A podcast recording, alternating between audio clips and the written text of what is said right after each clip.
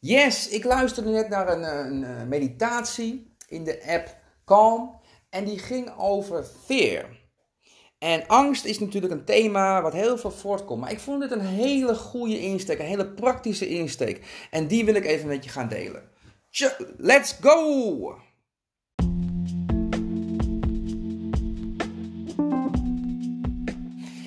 Yes, yes, yes. Welkom bij weer een nieuwe aflevering van de Daily Show. Mijn naam is Jerome Mooi en ik ben de oprichter en de coach achter Max Your Life Today. Een persoonlijk transformatieplatform voor iedereen die zegt: hey, ik wil het maximaal uit mijn leven halen en ik ben bereid om daar tijd en energie in te steken.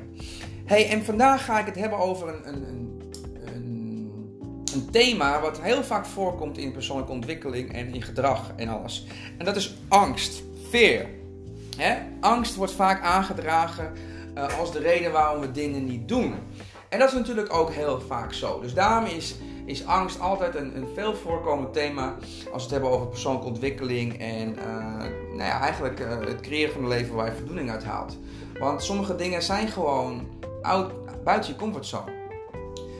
Maar vaak zijn het die, die, die, die dingen die keer op keer worden herhaald. Hè? Dus het zijn geen nieuwe dingen die je hoort over angst, fear, uh, do it anyway, whatever. Dus dat zijn niet nieuwe dingen. Maar op, soms wordt het gebracht op een manier dat het kwartje valt.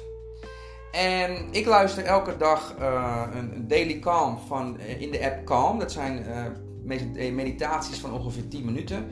En daar zit vaak een thema aan verbonden.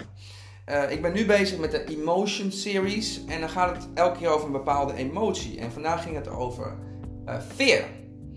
En wat zij dus vertelde, is dat fear, angst, uh, speelt vaak een scenario af in je hoofd. Hè? Als jij in een, een angstige bui bent, je maakt je zorgen over iets, dan is er een bepaald scenario die zich continu in je hoofd afspeelt.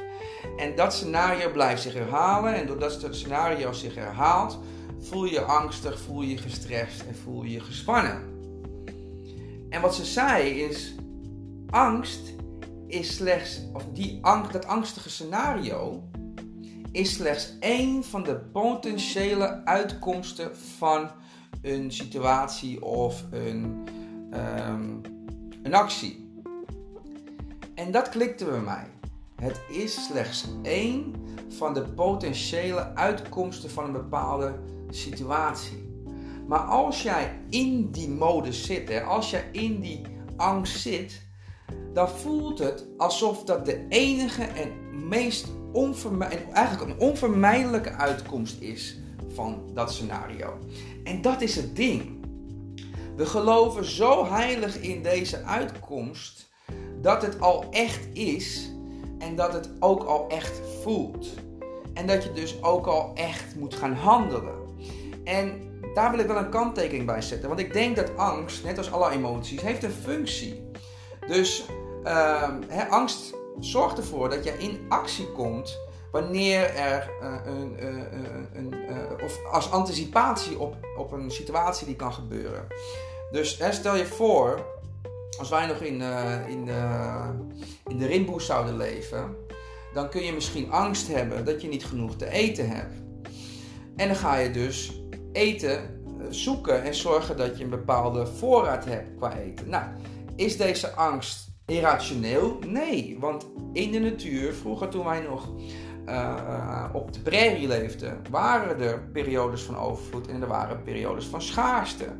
Dus deze angst hielp je om nu in actie te komen. Dus een toekomstige angst, een toekomstige uh, bron van zorgen hielp je om nu actie te nemen. Dus in die zin is angst nuttig. Alleen in ons leven zijn er maar weinig dingen waar we echt bang voor hoeven te zijn. En is het ook soms zo dat die angst je niet helpt, maar verlamt. dus daar heb ik het over, over die soorten angst dat je in je hoofd zoveel angstige scenario's aan het bedenken bent, dat je eigenlijk verlamd raakt, geen actie neemt en het dus niet bijdraagt aan, ehm, aan de oplossing of hetgene wat je wil bereiken.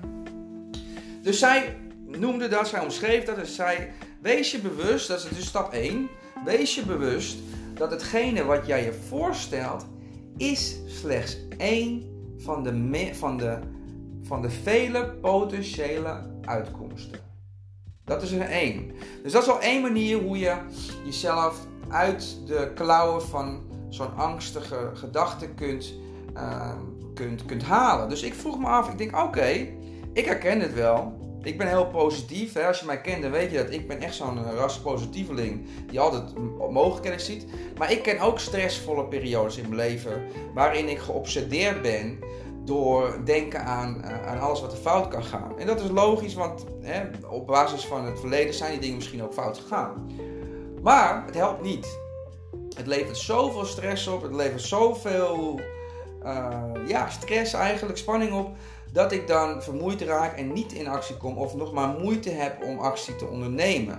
Dus ik merkte, hé, dat helpt niet, dat werkt niet. Maar hoe kom ik hier nou uit? Dus toen bedacht ik me, oké, als angst een van de vele scenario's is, dan is er dus ook een scenario waarin alles goed gaat. Wanneer, waarin het beter gaat dan je had verwacht. want angst is de worst case scenario, die stel je je voor. Dus dan dacht ik, oké, als ik mezelf dan zo'n scenario op betrap, erop betrap dat ik zo'n scenario aan het visualiseren ben, dan kan ik mezelf afvragen: oké, nou dit is de worst case scenario. Maar wat nou als alles zo gaat zoals ik het wil en beter? Hoe zou het er dan uitzien?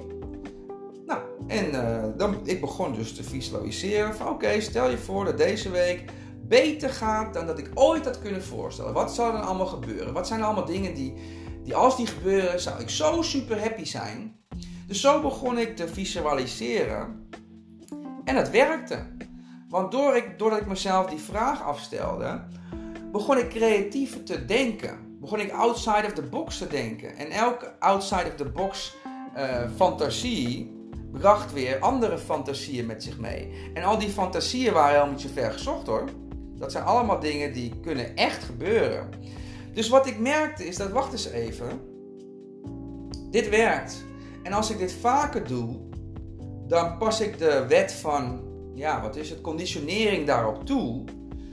Dan ga ik dus mezelf trainen om dat soort scenario's te visualiseren. En dat is misschien wel een spier, een mindset spier, die ik nog niet genoeg ontwikkeld heb. Dus ik heb besloten om elke ochtend, uh, als deel van mijn ochtendroutine, de best case scenario te visualiseren.